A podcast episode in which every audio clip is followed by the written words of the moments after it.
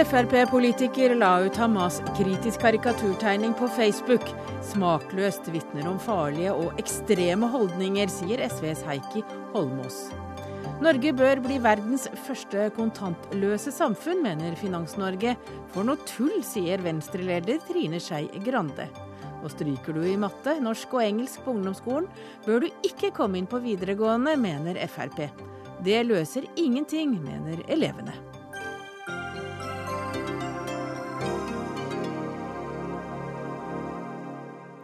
Ja, det er noen av sakene i kveldens Dagsnytt 18. Jeg heter Hege Holm. Og før sju blir det også tid til en runde om den alvorlige situasjonen i Ukraina. Vi skal innom klimatoppmøtet i Berlin, og vi skal snakke om vanskelig, grenseløs kjærlighet. Men først altså til den nye karikaturstriden. For en Hamas-kritisk Hamas-kritisk karikaturtegning av en væpnet Hamas-aktivist som holder et barn opp foran seg, har vekket sterke sterke reaksjoner. Bildet er tegnet av den amerikanske avistegneren Randy Bish og skal forestille Hamas sitt rakettskjold. Og da Fremskrittspartiets Christian Norheim delte denne tegningen på det sosiale mediet Facebook, ble du, Heikki Holmås, stortingsrepresentant for SV, virkelig provosert. Men hva er det du har reagert på? Jeg reagerer på at eh, Norheim eh, kjøper hele den israelske propagandaapparatet sin fortelling om hva det er som skjer nå eh, i Palestina, og hopper bukk over et par viktige faktum. Det ene viktige faktum er at Israel er, okkupert, nei, Israel er okkupant, og de okkuperer det palestinske arealet.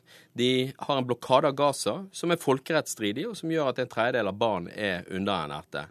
Israel bygger en mur som raner palestinerne for land, og som er erklært folkerettsstridig. Og nå driver de en hensynsløs drap på sivile, der eh, FN fastslår at åtte av ti av de som drepes eh, nå på Gaza, er sivile mennesker. Og ingenting av dette er Kristian Norheim i stand til å fordømme. Det eneste han fordømmer, det er Hamas sin, eh, sin bruk av sivile. Og det er, da, det er da jeg sier jeg vil fordømme enhver bruk av sivile som våpenskjold, enten det skjer i Hamas eller Israel sin regi. Jeg fordømmer ethvert angrep på sivile. Men Kristian Norheim han velger å bare angripe palestinerne og nekter for å eh, fordømme de israelske overgrepene som skjer hver eneste dag. Kristian Norheim, du er altså stortingsrepresentant for Fremskrittspartiet, og det er du som har eh, satt sinnet i kokos. Heikki Holmås og mange flere her i dag. Angrer du på at du la ut denne tegningen på Facebook? Nei, overhodet ikke. Og Den kommer til å bli liggende, og jeg håper at folk får med seg budskapet i den. I stedet for å bli forarget og forbanna på selve tegningen, så burde du heller bli forbanna og forarget over det tegningen illustrerer. Nemlig det at eh, terroristorganisasjonen Hamas bruker da sivile, altså mennesker, som skjold eh, mot eh, rakettene som da kommer fra Israel. Som da er et svar på raketter som er skutt fra Israel Hamas eh, over flere år, men som det nå har foretatt en offensiv på. kan du forklare hvordan du... Jeg er litt sjokkert over Heikki Holmås, som ikke klarer å som blir, som blir, sint på meg for at jeg legger ut. Jeg syns jo det er rart at han ikke kan bli sint på den praksisen, den brutale praksisen som Hamas da fremfører her, ved at de bruker sivile som skjold og skyver sivile foran seg. Kristian Norheim, kan du forklare hva det er du mener med at Hamas bruker eh, barn som skjold? Jo, det jeg mener er at eh, de eh, ber eh, folk oppholde seg i bygninger som israelerne har advart mot. De sender ut advarsler på form at den bygningen vil bli tatt ut, fordi at der er det våpen. Eller der er det utskytingsmateriell. De advarer på forhånd. Et av de få landene som faktisk advarer før de bomber. Og I stedet så blir det presset av Hamas til å være til stede der, eller de blir skjøvet foran. Og Det er en feig praksis som kun terrorister kan stå inne for. og Jeg syns det er rart at Heikki Holmås kan ta så lett på dette her. Eh, men eh, hvis du hørte etter hva jeg sa, så fordømte jeg all bruk av sivile som skjold. Men det er du ikke i stand til å fordømme. Men er det riktig at Hamas gjør det? Jeg har ingen uavhengig dokumentasjon av omfanget uh, av dette, i hva slags omfang dette skjer. Men det er, vi har, er uavhengig dokumentasjon av bl.a. den israelske menneskerettighetsorganisasjonen Betzalem som har gjennomgått alle de angrepene som har vært, og som finner klart at det Israels militære styrker holder på med, er i strid med folkeretten. Fordi de bomber hus der det bor sivile, der det også bor Hamas-aktivister, men der de ikke er sett noen klar sammenheng mellom at det foregår militær aktivitet i de enkelte husene. Og dette er i strid med folkeretten, Kristian Norheim. Men jeg har ikke hørt deg fordømme den praksisen, på tross av at dette er dokumentert av uavhengige israelske menneskerettighetsorganisasjoner. Er du villig til å fordømme det? Altså Jeg blir ikke spesielt overrasket over at Heikki Holmo som representant for den eh, rød-grønne regjeringen, som heldigvis har gått av, og som da anerkjente Hamas, tar så lett på dette her med bruk av sivile som skjold i en konflikt. Men hvordan eh, vet du at det er det som skjer, Kristian Norheim? Hvordan vet du? Det vet vi, det har jo Hamas selv oppfordra til. Det ligger masse dokumentasjon ute på dette her. Men, men, og men Kristian Norheim... Når det gjelder situasjonen på Gaza med, med rakettskyting, så har jo til og med den palestinske representanten til FNs menneskerettighetsråd sagt at dette her er en krigsforbrytelse. Dette er en forbrytelse mot menneskeheten. Det at uh, Hamas da skyter raketter mot sivile mål. Det er jo forskjellen på Hamas og Israel her. At Hamas ikke skiller mellom sivilister og soldater, mens det gjør faktisk uh, Israel. Men det er jo ikke riktig, Kristian Norheim, og du svarte ikke på utfordringen min. Jeg, jeg, eh, Israel har altså drept altså, Vi har dødstall nå som er over 100. Og FN sin, nei, sin nødhjelpskoordinator sin humanitære koordinator til, til Palestina sier at åtte av ti av de som drepes, er sivile. Menneskerettighetsorganisasjoner, mind you israelske menneskerettighetsorganisasjoner, sier at Israel målrettet bomber bygninger er, der det bor sivile, og som er i strid med folkeretten. Og Da spør jeg deg igjen, er du villig til å fordømme Israels menneskerettighetsbrudd og Israels brudd på folkeretten her? Eller er du der og legitimerer en, eh, ja, en, en stat som altså begår eh, eh, denne type brudd på folkeretten? Og Det synes jeg da er farlig, for da er du som representant for den norske regjering med på å legitimere brudd på folkeretten, og det er det jeg har anklaget deg for. Ethvert sivilt liv som går tapt, er ett liv for mye tapt. Det er det ingen tvil om. Poenget her er at eh, Hamas skildrer ikke mellom sivile og soldater. De gjør derimot Israel. De advarer på forhånd.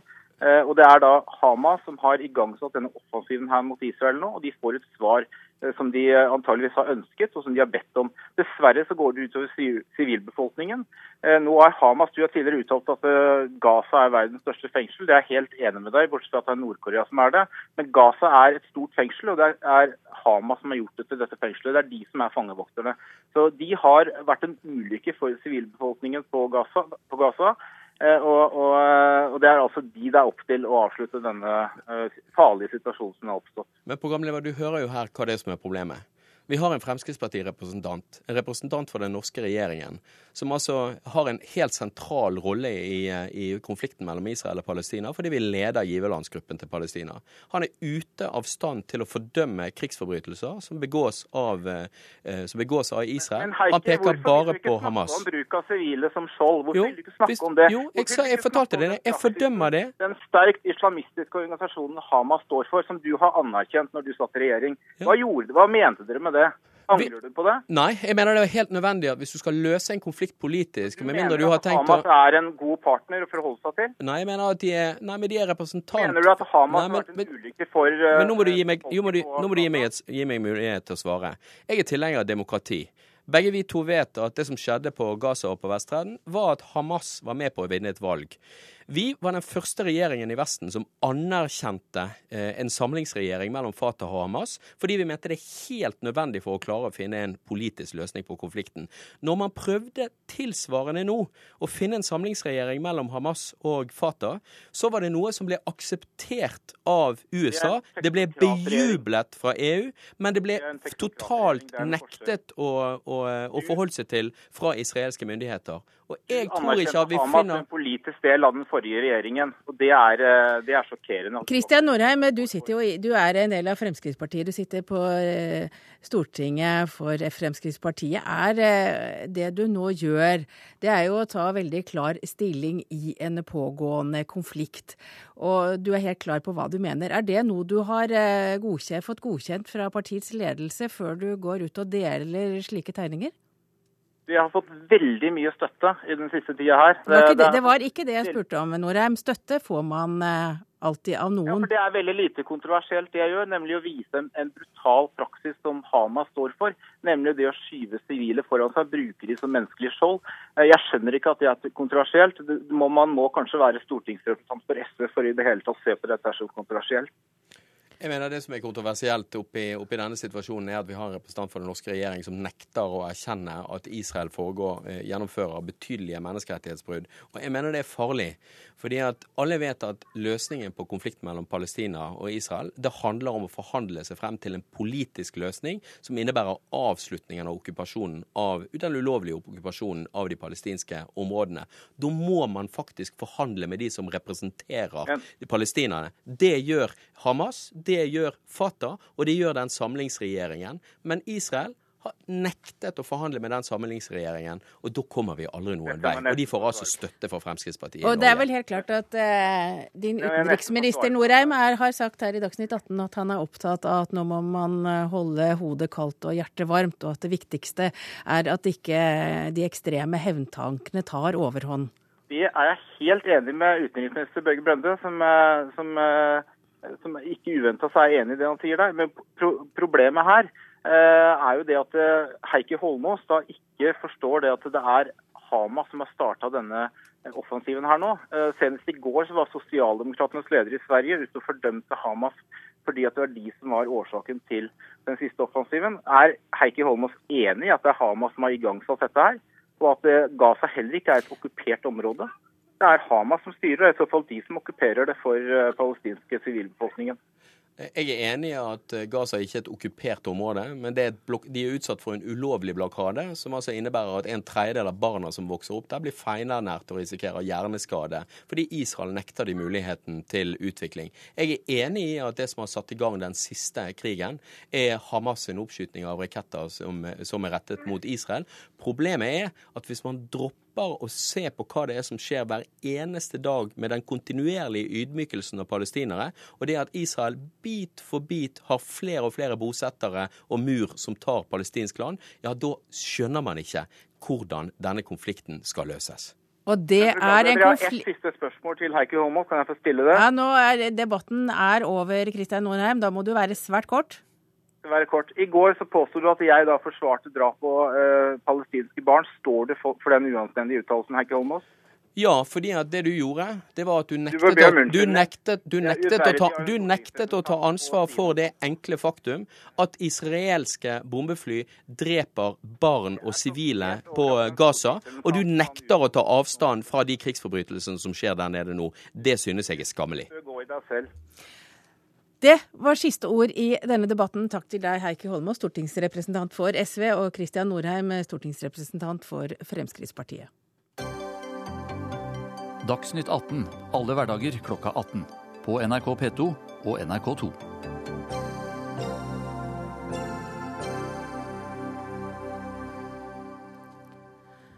Norge bør bli verdens første kontantløse samfunn. Det sa du til NRK Dagsnytt tidligere i dag, direktør i Finans-Norge, Idar Kreutzer.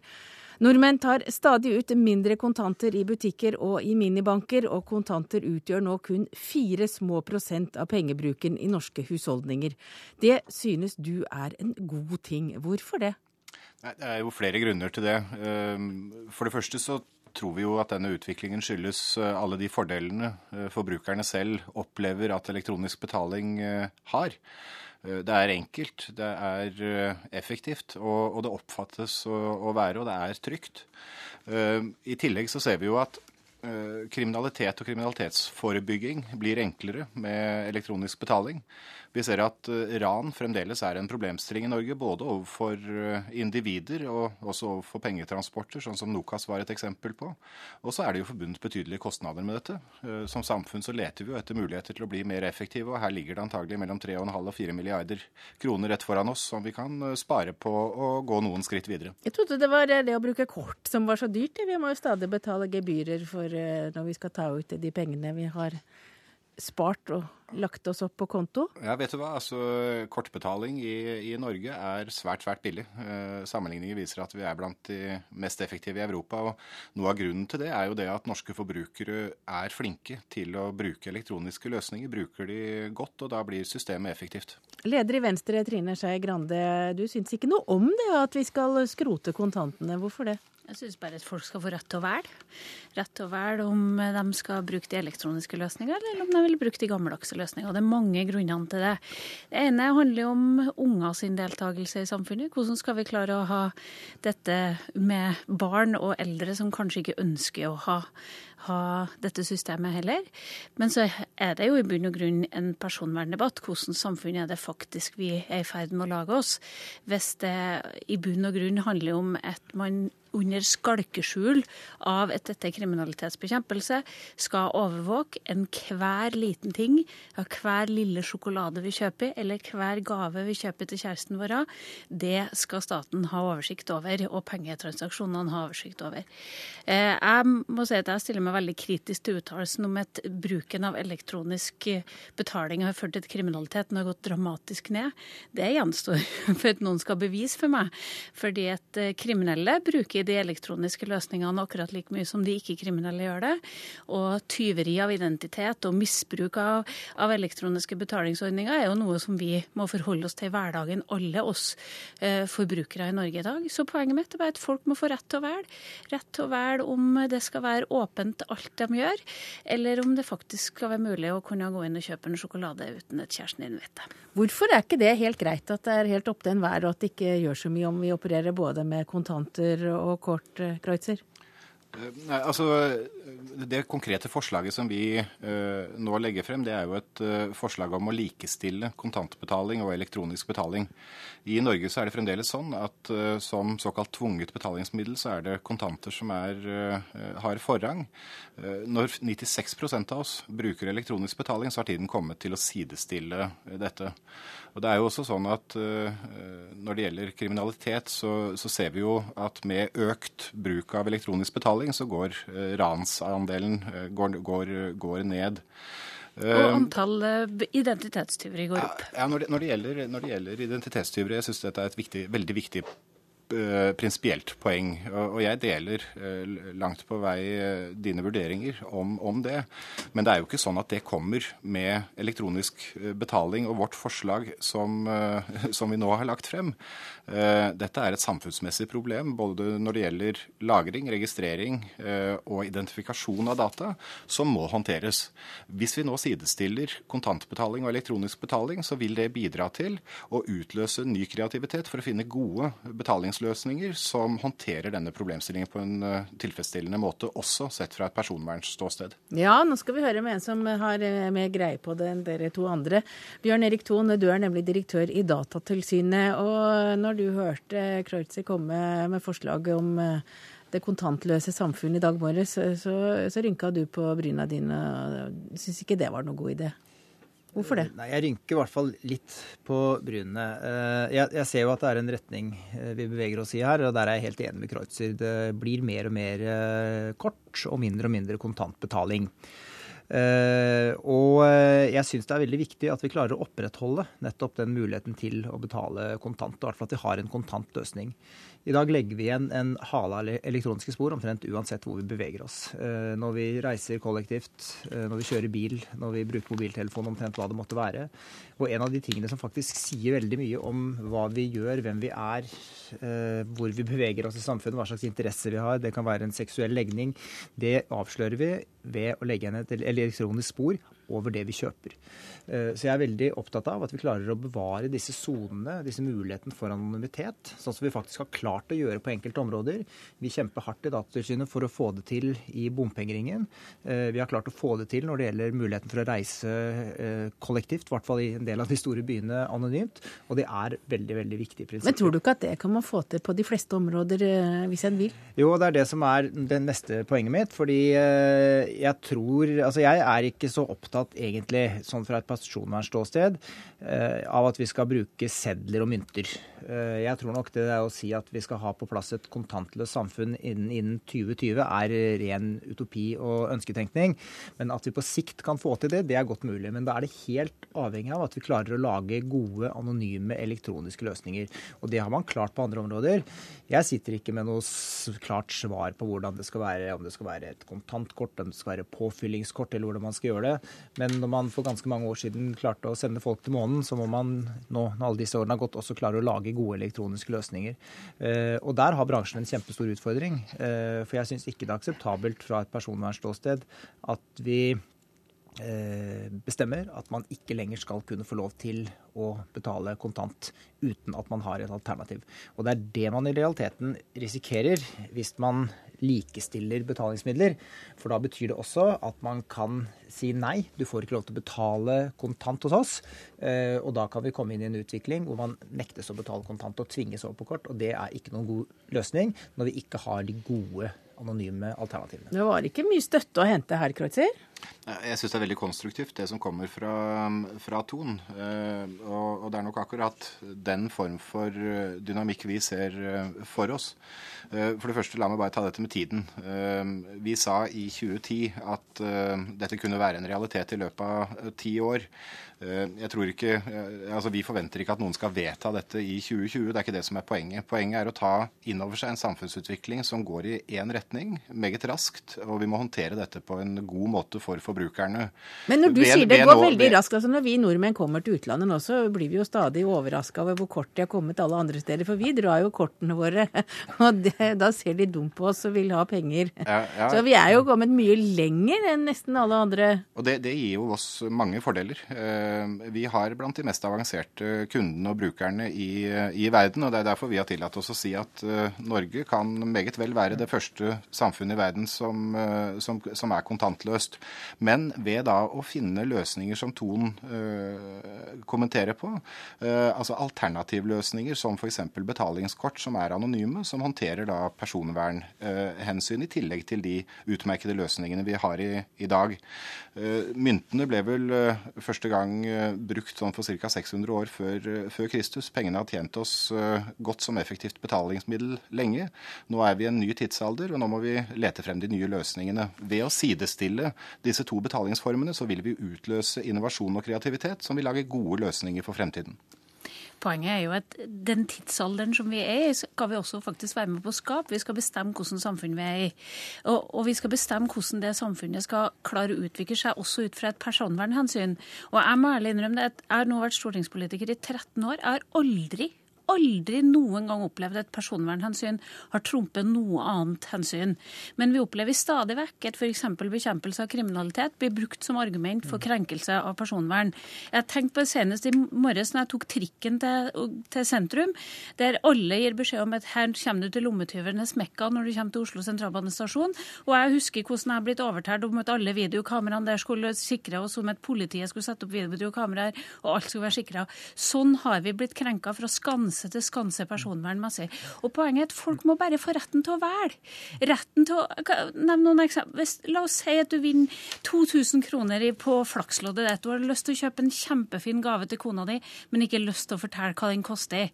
Hvorfor kan du ikke få lov til å gjøre det uten at hun skal kunne se på kredittkortregninga di at du har gjort det? Men, men problemet, er å, altså problemet er ofte at personvernet kommer for sent inn. Eh, fordi personvern er noe man fyller med på slutten, når man liksom har laget løsningene. Da kommer man, et, man med et eller annet personvernprinsipp, og det har nok vært et problem og er et stort problem.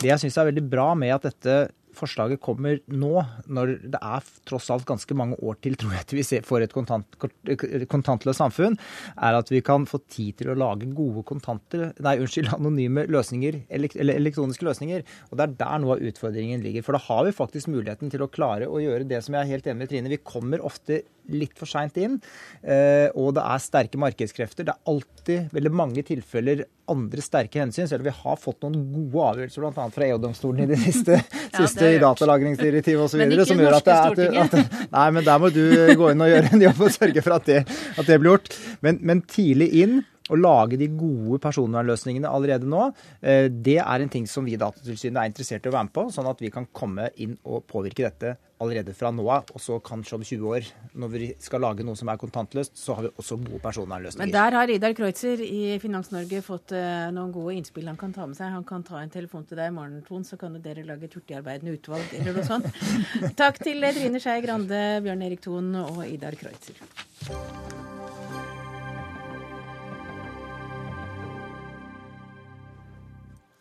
Det er ikke bare i Midtøsten det er urolig denne juli måneden, for situasjonen i Ukraina har også tilspisset seg de siste dagene.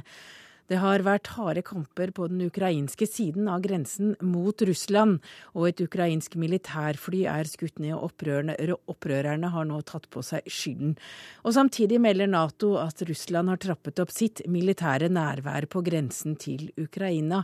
Morten Jemtoft, du er vår påtroppende Russland-korrespondent. Hva er det som skjer i Ukraina? Ja, Det er jo en uh, full borgerkrig, må vi nesten kunne si, da, i den østlige delen av landet. Altså i de to oblastene, de to fylkene Luhansk og, og Danetsk. Og som du sa, nedskytingen av dette ukrainske eh, transport, militære transportfly av typen AN-26 i dag, det er i ferd med å tilspisse situasjonen ytterligere. Fordi ukrainske myndigheter sier nå i ettermiddag at dette flyet det fløy så høyt at det var umulig at det kunne bli skutt ned av opprørerne. Eh, raketten må ha kommet fra russisk side av grensen. Dette fløy veldig nært grensen mot eh, Rastov-fylket i, i, Russland. Og man sier altså fra ukrainsk side at her må det ha vært en russisk eh, rakett som har truffet flyet. Og at eh, de viser også til at dette flyet, som da, det russiske flyet som har skutt ned det ukrainske flyet, har kommet fra en spesiell flyplass som heter Milorova i Rostov-fylket. Sånn at her her eh, igjen, som vi ser, er propagandakrigen mellom Ukraina og Russland den fortsetter for fullt. Og spillet det er jo et høyt spill som pågår akkurat nå. fordi at eh, eh situasjoner som dette kan jo igjen føre Ukraina og Russland da, til en direkte konfrontasjon. Men, men, hvordan påvirker dette ukrainerne? Er de, eh, altså, jeg vil jo tro at nå er det frykt i, i hvert fall store deler av Øst-Ukraina for at det skal bare spre seg? Nei, altså Det som skjer nå, det er jo det at ukrainske styrker har jo nå tatt uh, kontroll over store deler av både eh, Danetsk og Luhansk fylke. Vi hørte jo forrige helg om at man tok da denne viktige byen eh, Slavjansk. Nå står kampen om de to hovedstedene, altså Danetsk, millionbyen Danetsk, og Luhansk, som er hovedstaden i Luhansk fylke. Disse to byene kontrolleres mer eller mindre fremdeles av noen tusen 000 militante eh, separatister. Nå i dag så har ordføreren i Danetsk, Aleksandr Lukansjenko, som jo har stått midt imellom mellom barken og veden her, han har valgt å forlate hjembyen sin Danetsk og er nå i, i Kiev. Eh, av frykt for sin egen sikkerhet, som han sier. Han frykter at eh, separatistene blir stadig mer desperate og kanskje vil ta gisler også i den situasjonen de har kommet midt oppi nå.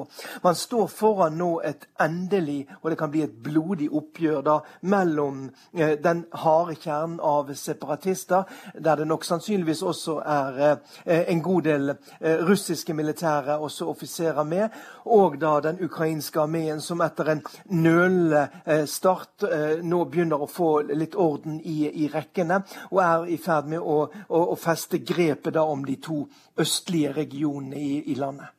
Martin Paulsen, du er førsteamanuensis i russisk ved Universitetet i Bergen, og du følger nøye med hva som skjer.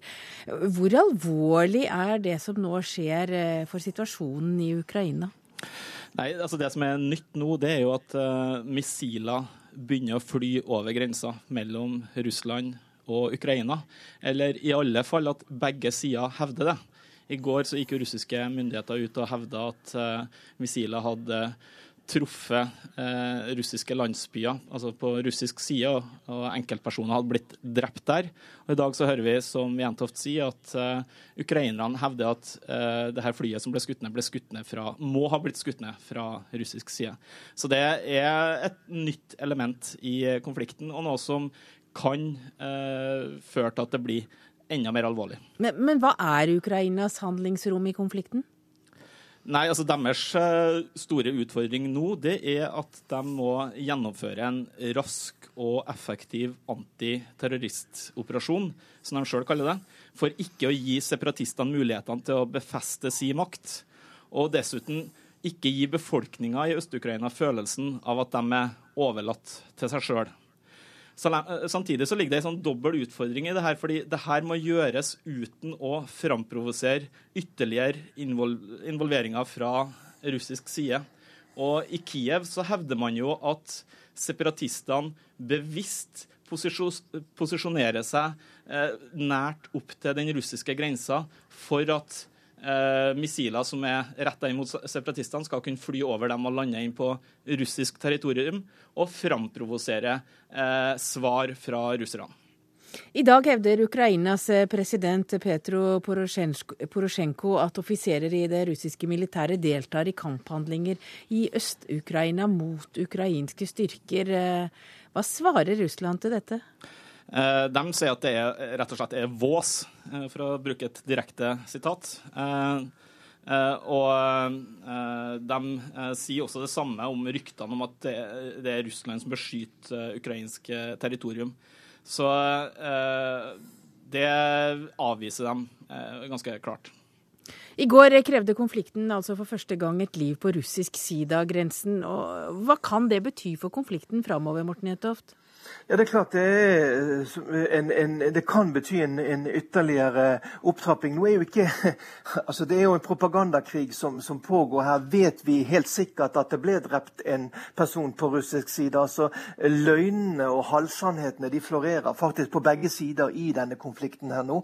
Og Det er jo en beinhard eh, propagandakrig, ikke minst hvis vi følger med på, på det som skjer på TV, både på ukrainsk og ikke minst på russisk side. Eh, russiske medier nå når de jo et nytt lavmål, syns jeg selv, da når de i går da jo, viste et intervju med en kvinne som fortalte at eh, en tre år gammel gutt var rett og slett blitt eh, drept offentlig av ukrainske soldater i Slavjansk. Det er ingen andre som kan bekrefte en sånn historie som dette her. Den har ikke vært sjekket ut på noen måte. Likevel så kjører altså det statlige russisk TV i beste sendetid ut en sånn sak som dette, som når fram til veldig mange russere som ikke har andre informasjonskilder. Eh, det er klart at dette, denne konflikten her har dessverre da vist eh, hvor kort eh, en god del av de viktigste russiske mediene er kommet når det gjelder kildekritikk og, og uavhengighet. Men det er med på å hisse opp eh, stemningen. Det er med på også å rekruttere en del elementer som kan være villige til å dra til Ukraina for å slåss for russiske elementer som såkalt frivillige. Og dette kan også være personer med tilknytning til det russiske forsvaret, som da drar inn i Ukraina for å, å, å slåss da mot det som man gjerne kaller fascistene og nazistene fra Kiev. Ja, og Man sier vel det at det første som dør eh, i en krig, det er sannheten. Og det er vel det dere nettopp forteller oss her. Vi kommer tilbake til situasjonen i Ukraina, men i denne sendingen skal vi ikke snakke mer om den. Takk til Martin Paulsen og Morten Jentoft.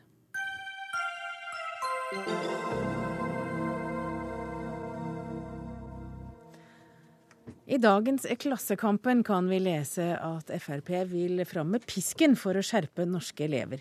Et av kravene er at elevene må ha to i alle basisfag, altså matte, norsk og engelsk, for å komme inn på videregående skole. I fjor gikk nærmere 7000 elever ut med karakteren én eller ingen karakter i det hele tatt.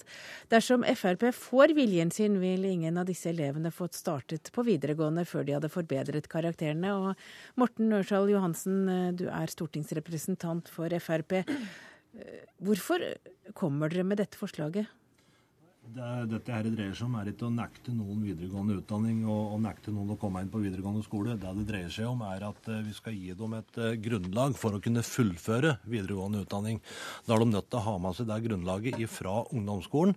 Uh, et godt grunnlag som gjør dem rustet til å, å klare å, å, gjennomføre videregående skole. Hvis de ikke har det grunnlaget, så vil de, som skjer veldig ofte nå, at de går ut som skoletapere og de dropper ut fra den videregående skolen. og det ønsker vi ikke. Vi ønsker at de som begynner på videregående skole, skal fullføre videregående skole med ståkarakterer der òg. For hvis du kommer inn på videregående skole uten å ha et godt nok grunnlag, så vil du få problemer med å følge med i undervisninga og klare å gjennomføre den undervisninga som den videregående skolen er. Og når du da har gjennomført eh, kanskje ett, to eller eventuelt da forhåpentligvis tre år på videregående skole, og kommer ut med dårlige karakterer eller strykkarakterer, så har du kastet bort tre år av livet ditt. Det ønsker vi ikke at ungene skal gjøre. Hva skal du gjøre med de 7000 som uh, fikk en eller dårligere Det første en må gjøre, det er å styrke innsatsen på ungdomsskolen. Og jeg skjønner det at eh, problemet til kommunene er stort i så måte, for en del av de elevene som da begynner å henge etter, må få, må få ekstra oppfølging, og det koster penger i kommunene. Men det må vi styrke aller, aller først. Og så er det sånn da at noen de vil komme ut av ungdomsskolen uten å ha gode nok karakterer. Da går det an f.eks. gjennom sommerskoler å fylle på, uh, fylle på kunnskapsnivået deres noe slik at de er bedre forberedt på å, å starte den videregående skolen. Så, så svaret ditt er mer skole? Altså, no, for noen så vil det være bra, men for noen så er det ikke sikkert at det er noe særlig lurt til. For det, noen kommer til ungdomsskolen og er veldig skoleleie og veldig skoletrøtte, så er det i hvert fall ikke noe bedre at de begynner på videregående skole. Da må de kanskje ha noe annet, noen andre tiltak som gjør at de et, et år fri på eller driver med noe annet før de trår inn i videregående skole og kanskje har fått igjen lysten til det. Men er du allerede lei skolen etter 10. klasse, så blir du i hvert fall ikke noe mindre lei til å begynne på videregående. Benjamin Schiaker Myrstad, du er leder i Elevorganisasjonen. Du syns ikke dette var svaret på utfordringene i videregående? Hvorfor Nei, altså, det? et krav om, om, karakteren 2 i norsk, og engelsk matte det er for det første et brutalt angrep på den allmennretten til videregående opplæring som vi har. Eh, men så kommer det jo fram her, og det har vi visst en, en stund, den vrangforestillingen om at dersom du ikke har gjort det godt på, på, ungdomsskolen, så kan du ikke gjøre det godt på videregående.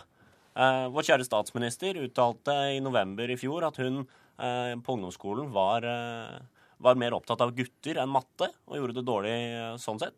Så kom hun på videregående, fikk en god lærer, fikk en ny klasse. Eh, fullførte videregående godt. Og jeg tror ikke at Erna Solberg hadde vært der hun var i dag, dersom hun ikke hadde kommet inn på videregående. For det er jo faktisk det vi sier her, at eh, disse elevene som ikke består i norsk, matte og engelsk, de får ikke komme inn på videregående. Og da hjelper det ikke å si ja, de er skoleleie, ok, da tar de et friår. For de må jo forbedre disse karakterene sine på en eller annen måte. Og, og, og sommerskole da er en, en, sommerskole er et tilbud. Eh, det er ikke et tilbud som alle har. Det er ikke et tilbud som Det, det, det koster ekstremt mye penger å ha sommerskole. Eh, og, og, for oss da så er det mer naturlig å bruke de pengene på nettopp eh, de ti årene vi allerede har. Og forbedre de ti årene, sånn at eh, vi sørger for at det antallet elever som ikke består eh, norsk, engelsk og matte, det synker. Kristin Vinje, du eh, sitter i utdanningskomiteen for Høyre på Stortinget. Akkurat det siste her er vel du helt enig? Ja, altså dette forslaget til Frp det peker jo nettopp på et eh, problem vi har med at det er altfor mange som ikke fullfører eh, videregående skole. Og en av grunnene til det er at de har for dårlige basisferdigheter med seg fra grunnskolen, og det er et stort problem. Eh, og Derfor så må vi gjøre noe med eh, tidlig innsats. Vi er nødt til å fange opp de som sliter tidligere. Og det er jo ikke for ingenting regjeringen nå har en storstilt satsing på etter- og videreutdanning av lærere. Men det er, helt, e- det er vel alle helt enig i, ja. at de bør fanges opp tidligere. Men så er spørsmålet hva du skal gjøre hvis de da går ut av ungdomsskolen og har eh, stryker i basisfag eller får karakterer. Ja, jeg har ikke noen løsning på det, og det står heller ingenting i regjeringsplattformen at vi skal gjøre sånn som Frp foreslår her. Men vi må jo være villige til å tenke hvordan kan vi gjøre tiltak for å bedre denne situasjonen. For det, vi er i en situasjon hvor det er eh, grunnleggende ferdigheter som mangler, og som da forfølger deg resten av livet. Og det må vi ta på alvor. Og sånn som Elevorganisasjonen sier, så er det jo ikke sånn at det ikke er vesentlig. Det er helt vesentlig å få opp eh, basisferdighetene fra grunnskolen. Og jeg har lyst til å trekke fram Oslo. Oslo har jobbet systematisk lenge med å heve basiskunnskapene med tidlig innsats, og er blant landets beste skoler nettopp fordi vi har jobbet systematisk med å identifisere hvem som sliter tidlig, og det gir resultater. Så det er det aller viktigste vi kan gjøre. Det er å sørge for å heve den andelen av de elevene som, eh, som sliter aller mest. Og Martin Henriksen, du er medlem av utdanningskomiteen, men for Arbeiderpartiet. Og det siste er vel du også helt enig i. Men, men hva med å nekte de ungdomsskoleelevene som er så skoletrøtte at de ikke klarer å fullføre basisfagene? Vel, la meg først si at eh, jeg synes Det er grunn til å berømme alle som kommer med nye forslag i skoledebatten. Det er bare synd at dette egentlig ikke er et nytt forslag. Det er jo Eh, sånn at I gamle dager så var det mange ungdommer som eh, ikke fikk skoleplass på videregående hver høst, og det var en fortvila situasjon for dem. Og Jeg synes det å nekte ungdom å komme inn på videregående eh, på den måten Frp nå ønsker å gjøre, det er å starte i helt feil ende. Alle er enige om det med tidlig innsats er viktig. Du minner det er å rykke tilbake til 70-tallet? Ja, Og så er det jo spørsmål hva gjør du med de ungdommene her? De som kanskje er 15-16 år gamle som da får beskjed om nei, du kommer ikke inn. Ikke det du egentlig gjør da, i praksis, det er å flytte frafallet bare ett eller to eller tre år tidligere. Eh, og det er klart, eh, Vi vet at de som faller fra på videregående skole, som havner da i en ulykkelig situasjon ofte, de havner ofte på sosialhjelpsstatistikken på Nav. Det forslaget her innebærer jo først og fremst at ungdom ikke kommer på skole, men på Nav. Eh, Og jeg er av den oppfatninga at vi skal gi ungdom en sjanse til, selv om de kanskje har gjort det for dårlig i matte eh, siste året på ungdomsskolen. Jager du bare ungdommen eh, ut eh, av skolesystemet og inn i Nav? Det er jo det som skjer nå, med de ungdommene som dropper ut av videregående skole. Så er det bare én plass de havner, Ja, nå bare er flytter du det ned til de er 16? Nei, det gjør vi ikke. Det, det jeg sa til å begynne med, er at vi skal sørge for at basiskunnskapene tilføres på ungdomsskolen, og da må det settes inn også ressurser der. Hvis du gjør det, så kanskje det ikke er Du har ikke behov for å ha et krav til, til, til to for å komme inn på videregående skole, men du må sette et krav. Du må gjøre noe for at de skal kunne vise til at de har, eh, har basiskunnskaper. I dag så må de gjennomgå prøver og tester når de kommer på videregående skole. eh, Og det koster òg enormt mye ressurser. Hadde, hadde de hatt basiskunnskapene sine, og hvis det re, hadde vært sett reelle karakterer fra ungdomsskolen, så hadde de sluppet disse testene her òg. Men, men altså, ok, et, et av premissene som kommer fram her, og som kommer fram også i Klassekampen, det er dette premisset om at elever de, de er late. Det er derfor de ikke presterer. Eh, og, og, og det er jo helt feil. altså Hvis dere sitter her og sier at 7000 elever er late, og at vi må, vi må sette et krav, fordi da skjønner de at oi, nå må vi jobbe for å komme oss inn på, på ungdomsskolen, det er jo helt, eh, det er jo helt feil. Jeg skjønner ikke hvor du har det ifra, for å si det rett ut. Det er ingen som sier at 7000 elever er late, men det er 7000 elever som ikke har gode nok karakter karakterer og ikke har gode nok basiskunnskaper til å kunne klare videregående skole. Noen av dem vil kunne klare det, ja, for de får andre lærere, de får et annet miljø, men de fleste av dem har problemer med å komme seg gjennom videregående skole på en god måte og tilegne seg den kunnskapen de har, som de trenger videre i livet. Men hvordan skal det motivere? Hvordan skal et karakterkrav da motivere de elevene til å gjøre det bedre? Du, du må jo ha et krav for at du skal kunne ha den basiskunnskapen. Du må vise at du har den basiskunnskapen, og da er det naturlig å bruke, bruke karakterer. Men da må det òg være reelle karakterer, og ikke gjøre som vi gjør nå. Vi sluser dem bare gjennom og loser dem gjennom uten at de har kunnskap til det. Da gjør vi dem en bjørnetjeneste, vi gjør skolen en bjørnetjeneste, og vi gjør andre elever en bjørnetjeneste. Det som i hvert fall er å gjøre de her elevene en bjørnetjeneste, det er å sende dem ut i arbeidsledighet eller Nav sånn to år tidligere. Hvis de begynner på videregående, så har de i hvert fall sjansen til å løfte seg. Vi har mange eksempler på elever som går på ungdomsskolen, er eh, trøtt, eh, lei, umotivert. Så kommer de altså på den linja som de ønsker å gå på, ser at dette er et yrke de er motivert for å eh, komme inn i, eh, og løfter seg veldig. Og det som alle egentlig peker på, til og med Fremskrittspartiet her, det er jo at egentlig feilen skjer mye tidligere enn når elevene slutter på videregående. Det er ikke sånn at plutselig så har man for dårlige basisferdigheter når man går ut av ungdomsskolen. Det starter jo mye tidligere. Altså, vi må jo sette inn mer tidlig innsats allerede fra barnehagen av, og i barneskolen, ungdomsskolen. altså eh, og gjøre tiltak i videregående som å bedre teorien på yrkesfag, avbyråkratisere lærerrollen, eh, en lang rekke eh, andre tiltak. Men hvis man da sier, hvis man da sier at man skal bare stoppe, slippe, altså stenge døra i ansiktet på de her elevene, så er det egentlig å straffe dem for den eh, manglende jobben skolen har gjort tidligere. Og det mener jeg er urettferdig. Kristin Vinje, er det ikke bare for regjeringen å bare putte mer penger inn i ungdomsskolen, flere ressurser, flere lærere, og så hoppe over akkurat den der eh, med altså, At Nei, du på en måte ikke- bare styrker ungdomsskolen? Man løser ikke alt med penger her i verden, og jeg tror det er faktisk veldig viktig å stille krav til elevene, være åpen om resultater i skolen og måle resultater, og prøve å finne ut hvor eleven står for å kunne rette inn virkemidler der det er et problem. Og det er jo nettopp det man har gjort i Oslo-skolen. Man har vært mer opptatt av å måle for å kunne tilpasse undervisningen, for at flere skal kunne nå sine mål. Og det er et møysommelig arbeid, det å kunne eh, måle og vite hvor du skal sette inn støtet, at du møter elevene der de er. Og det er nettopp det som jeg kanskje er aller mest stolt av i Oslo, hvis vi skal ta det som et eksempel. Det er at de, de elevene, det er færrest elever som presterer dårlig i Oslo i forhold til resten av landet. Vi klarer å løfte de som sliter aller mest, fordi det er de som tjener mest på å ha åpenhet om resultater og måle hvordan det går, for da kan du faktisk hjelpe dem. Og det er det dette handler om. Det handler om å måle og finne ut hva slags eh, nivå elevene er på, sånn at du kan hjelpe dem videre. Og det å stille krav, det er faktisk å bry seg. Så det er eh, ikke noe motsetning. Det å stille krav til eh, barn, det tror jeg de setter pris på. Det er et godt poeng, syns jeg. Selv om jeg ikke er helt enig i den løsningen Frp presenterer her og nå. Men han peker på et veldig viktig problem som eh, vi er nødt til å ta på alvor. Men Benjamin Sjakker Myrstad, du er den som sitter nærmest elevene. Hva mener du da? Det er vel ikke noe særlig smart at eh, folk som ikke får mer enn én eller ingenting i basisfagene, fortsetter? Men, men, men altså, man snakker mye her om at det må være åpenhet rundt resultatene. Man må stille krav til elevene. Og det er jo ikke sånn at disse karakterene kommer pga. det kravet her. Karakterene er jo der fra før av. Lærerne kan jo se karakterene. Lærerne klarer jo å, måle elevene og, og, gi tilbakemelding til elevene på det. Det her er jo rett og slett Vi gjør som, som Martin sa i stad. Vi, vi, stenger døra for de elevene som, som kanskje har gjort det dårlig. Eh, og som kanskje har vært demotiverte. Altså, så det er ikke sånn at, at elever bare ikke at de velger å ikke prestere godt på ungdomsskolen. Det er mange faktorer. Det er en, en vanskelig tid for mange. Eh, og, og det å, å, sende de eh, på, på, videregående, det mener jeg er, er en god løsning. Når man har f.eks. Ny GIV, eh, som er et, et, godt prosjekt, som fungerer godt. Som er et eh, prosjekt som det, det, det, hjelper eh, de som kanskje har gjort det dårlig på, på ungdomsskolen, inn i den, den, videregående. De hjelper dem med den, eh, den overføringen der da, over til videregående opplæring. Og det har, det har, fungert godt, og det tror jeg også alle her er, er enige om. men jeg tror ikke da løsningen er å å, si hvis dere ikke klarer dere på Ny GIV, hvis dere ikke klarer dere på sommerskolen, så får dere ikke komme på videregående. Da må dere gå ut i arbeidslivet som 16-åringer.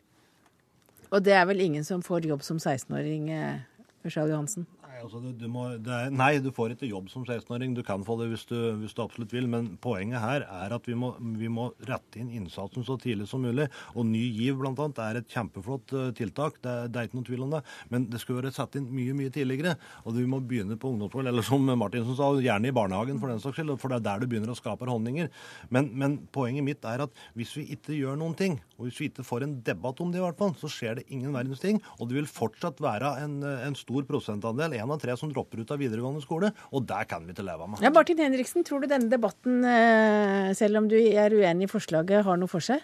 Ja, absolutt. Og det er, bare for å si det da, til Anders Ørsal Johansen og Fremskrittspartiet, er det én ting utdanningspolitikere i Norge diskuterer, så er det jo nettopp frafall. Mm. Det har vært satt i gang mange tiltak, men jeg tror nok også at det har vært en større og større erkjennelse at her må man sette inn innsatsen tidligere. Nå snakker vi jo nesten i kor, alle utdanningspolitikere, eh, om akkurat det.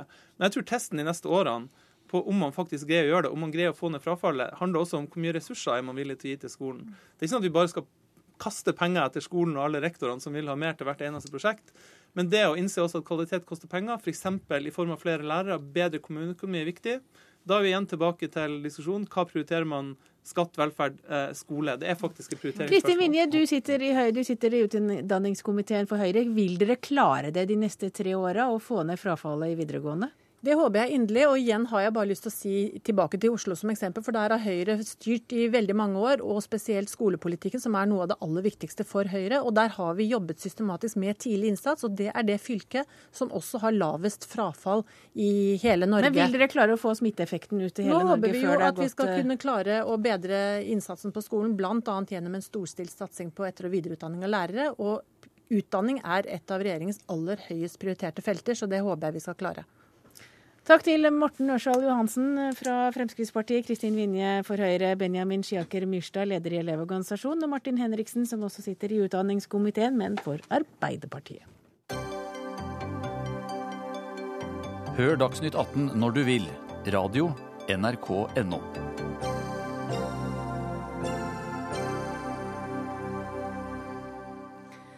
Det er under 500 dager igjen til en ny global klimaavtale skal underskrives i Paris.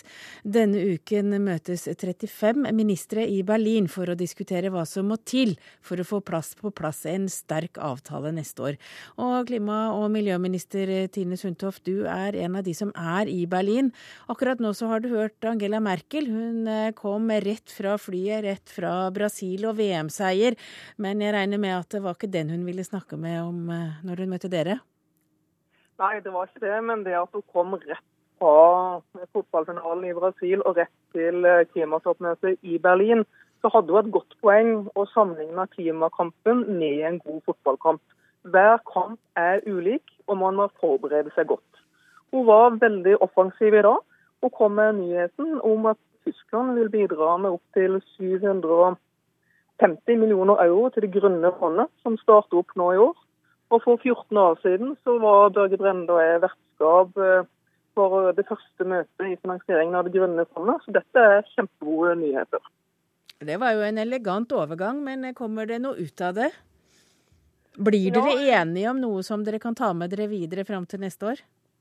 Eh, jeg opplever et positivt stemningsskift nå. Eh, Angela Merkel eh, var også veldig tydelig på å støtte det Jens Stoltenberg og jeg har tatt opp i alle fora viktigheten av en global karbonpris. Full støtte til det. Kanskje det mest spennende i dag var bidraget fra Kina. Og hva var det kineserne hadde å si? De kinesiske signalene var i dag veldig tydelige. Eh, Kinas miljøminister Xie Shenhua han spilte faktisk en hovedrolle i debatten i dag. Han fortalte at presidenten har bedt han om å ha maksimal fokus på bærekraftig utvikling. Han brukte ord som grønn vekst, lavutslippssamfunn, energisparing, fornybar energi var sentralt i hans innlegg i dag.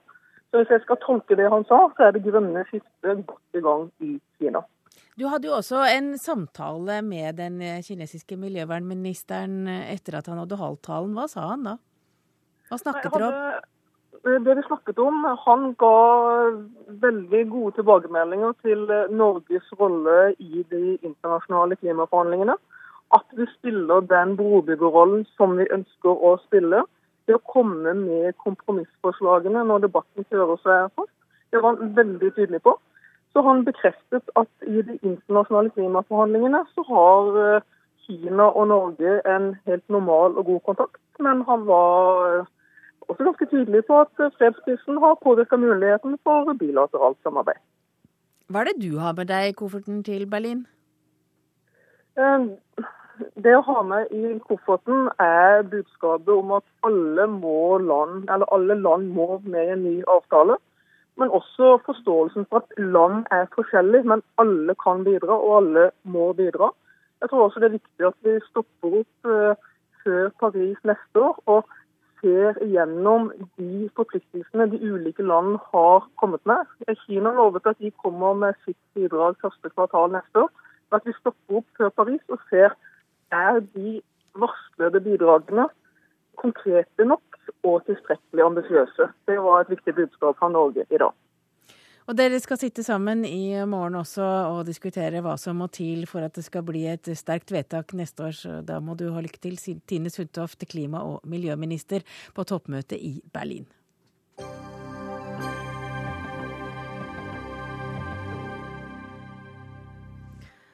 Nå kan det bli enda vanskeligere å gifte seg dersom eh, din utkårede ikke er norsk. Regjeringen foreslår at nordmenn eh, som tar med ektefeller til Norge, må ha en minimumsinntekt på 300 000 kroner. Dessuten må begge partene være fylt 24 år. Og du har vendt tilbake, stortingsrepresentant Morten Ørsal Johansen fra Fremskrittspartiet. Hvorfor ønsker regjeringspartiene nå å stramme inn regelverket rundt familiegjenforening? Nei, Vi vet at sommeren det er høysesong for tvangsekteskap. Og eh, Fremskrittspartiet kan ikke akseptere at norsk innvandrerungdom presses til å gifte seg mot, mot sin vilje. Eh, nå prøver vi å vise litt handlekraft. Vi ønsker å sette inn tiltak som gjør at de som blir tvinget inn i, inn i tvangsekteskap, skal få, altså skal få en, en, enklere hverdag, for å si det sånn. De skal kunne bli voksne nok til å bestemme over seg sjøl. De skal rett få fullføre en utdanning, kanskje komme seg i arbeid. Altså være mer voksne og modne eh, før de går inn, eh, inngår ekteskap. Vi tror at det vil hjelpe, og det ser at det har fungert i andre land. og Derfor tror vi det er på tide å gjøre slike tiltak eh, her i Norge òg. Men hvorfor heve kravet til inntekt fra 250 000 til 300 000? Nå er det sånn at når du skal ta, ta, inn, ta inn, noen til Norge, så, så, må de ha noe å leve av. Og hvis den da som gifter seg med en, ikke klarer å, å underholde den personen, så, så, ender denne eh, personen opp på Nav. Men nå må vi huske på det òg, at her kan det gjøres en god del unntak. Eh, vi har f.eks. eksempler der, eh, der, personer kommer til Norge. De har lært seg norsk før de kom hit, i hvert fall grunnleggende. De har en god utdannelse, og de har faktisk en jobb å gå til når de kommer hit. De har et tilbud om en jobb. I slike tilfeller så er det selvfølgelig ikke nødvendig at en, at en setter så hardt krav til, til 300 kronersgrensa. 300 000 kronersgrensa, da, da går det an å gjøre unntak. Og Det vil være muligheter for å gjøre unntak her, men dette her tiltaket her er først og fremst for å få bukt med tvangsekteskap, som er eh, en forferdelig situasjon for dem som havner i det. Men, men hva vil vet dere om, eh, om dere har virkelig klart å forhindre tvangsekteskap eh, med den eh, summen som har vært til nå, de 250 000? Nei, altså det er, det er vanskelig å si hvor mye, har, hvor mye en har hindret tvangsekteskap. Men det vi vet, er at det fortsatt eksisterer, at det er, for, at det er forholdsvis høye tall når det gjelder tvangsekteskap. Og det er en uholdbar situasjon, og det er en situasjon vi ikke kan akseptere. At noen blir tvingt inn i et forhold som de egentlig ikke vil. Derfor må vi sette inn innsats. Vi må i hvert fall gjøre noe. Dette her har vært, vært prøvd i andre land, og det viser seg å fungere. Da tror jeg det er på tide vi prøver det i Norge òg. Ja, Styremedlem i Organisasjonen for familiegjenforening Grenseløs kjærlighet, Camilla Bilstad Johannessen. Eh, hva syns du om dette forslaget? Nei, Vi kjenner ikke igjen den virkeligheten som han beskriver her. Eh, hvis de virkelig mener dette her, så, så, mener vi at de forstår ikke konsekvensen av sin egen politikk. Eh, vi representerer flere hundre par og, og familier eh, som rammes av dette regelverket. Og dette er ikke snakk om tvangsekteskap. De kommer til oss eh, fordi de har fått avslag på sin søknad om familiegjenforening, ofte pga. kravet om eh, inntekt eller tidligere inntekt på Um, og ingen av disse her er tvangsekteskap. Da ville ikke de kommet til oss i utgangspunktet. Det er ofte kvinner, studenter som er i en etableringssituasjon, deltidsansatte, frilansere. Det er ofte barn involvert. Uh, vi vet også det at UDI uh, har ikke kunnet se noen klare sammenhenger mellom kravet om, uh, om inntekt og tvangsekteskap. Jeg mener også at det er ganske naivt å eh, si det at økonomi er den eneste indikatoren som påvirker eh, en person som føler seg pressa av familie og nærmiljø eh, til å inngå tvangsekteskap. Er det en, ramme, en, gruppe dere også er klar over at dere rammer? At det nei, er greit? Nei da. Nå, nå, nå blir, altså, økonomi er ikke det eneste. Vi setter òg en, en 24 års aldersgrense her. Eh, og som jeg sa, dette er prøvd i andre land, bl.a. Danmark, der det viser seg at ungdom da eh, gifter seg senere, og at antall tvangsekteskap har gått ned. Men må vi huske på da at i Norge så har, så har antall tvangsekteskap nesten blitt doble siden 2011 er det ikke da på tide at vi gjør noen tiltak? Og så, Ja, det kan godt hende det rammer noen andre òg, det er fullt mulig.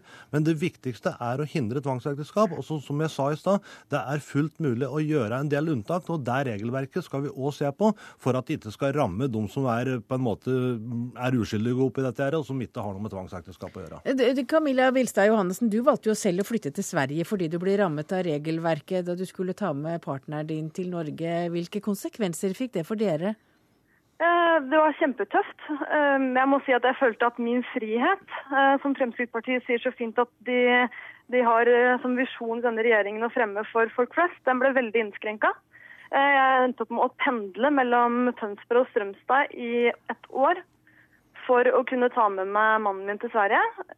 Og det jeg også opplevde, var at mine rettigheter som norsk statsborger var sterkere utenfor mitt eget land enn en, en det det er her hjemme. Og det var veldig vondt. Fordi Sverige har ikke de samme reglene? Jo, Sverige har noen samme regler, men de har bl.a. ikke inntektsgrad. Veldig få land i Europa har det. Det er vel mest det er Norge og Finland som vi vet om, og de har et krav på 10 000 euro rundt der.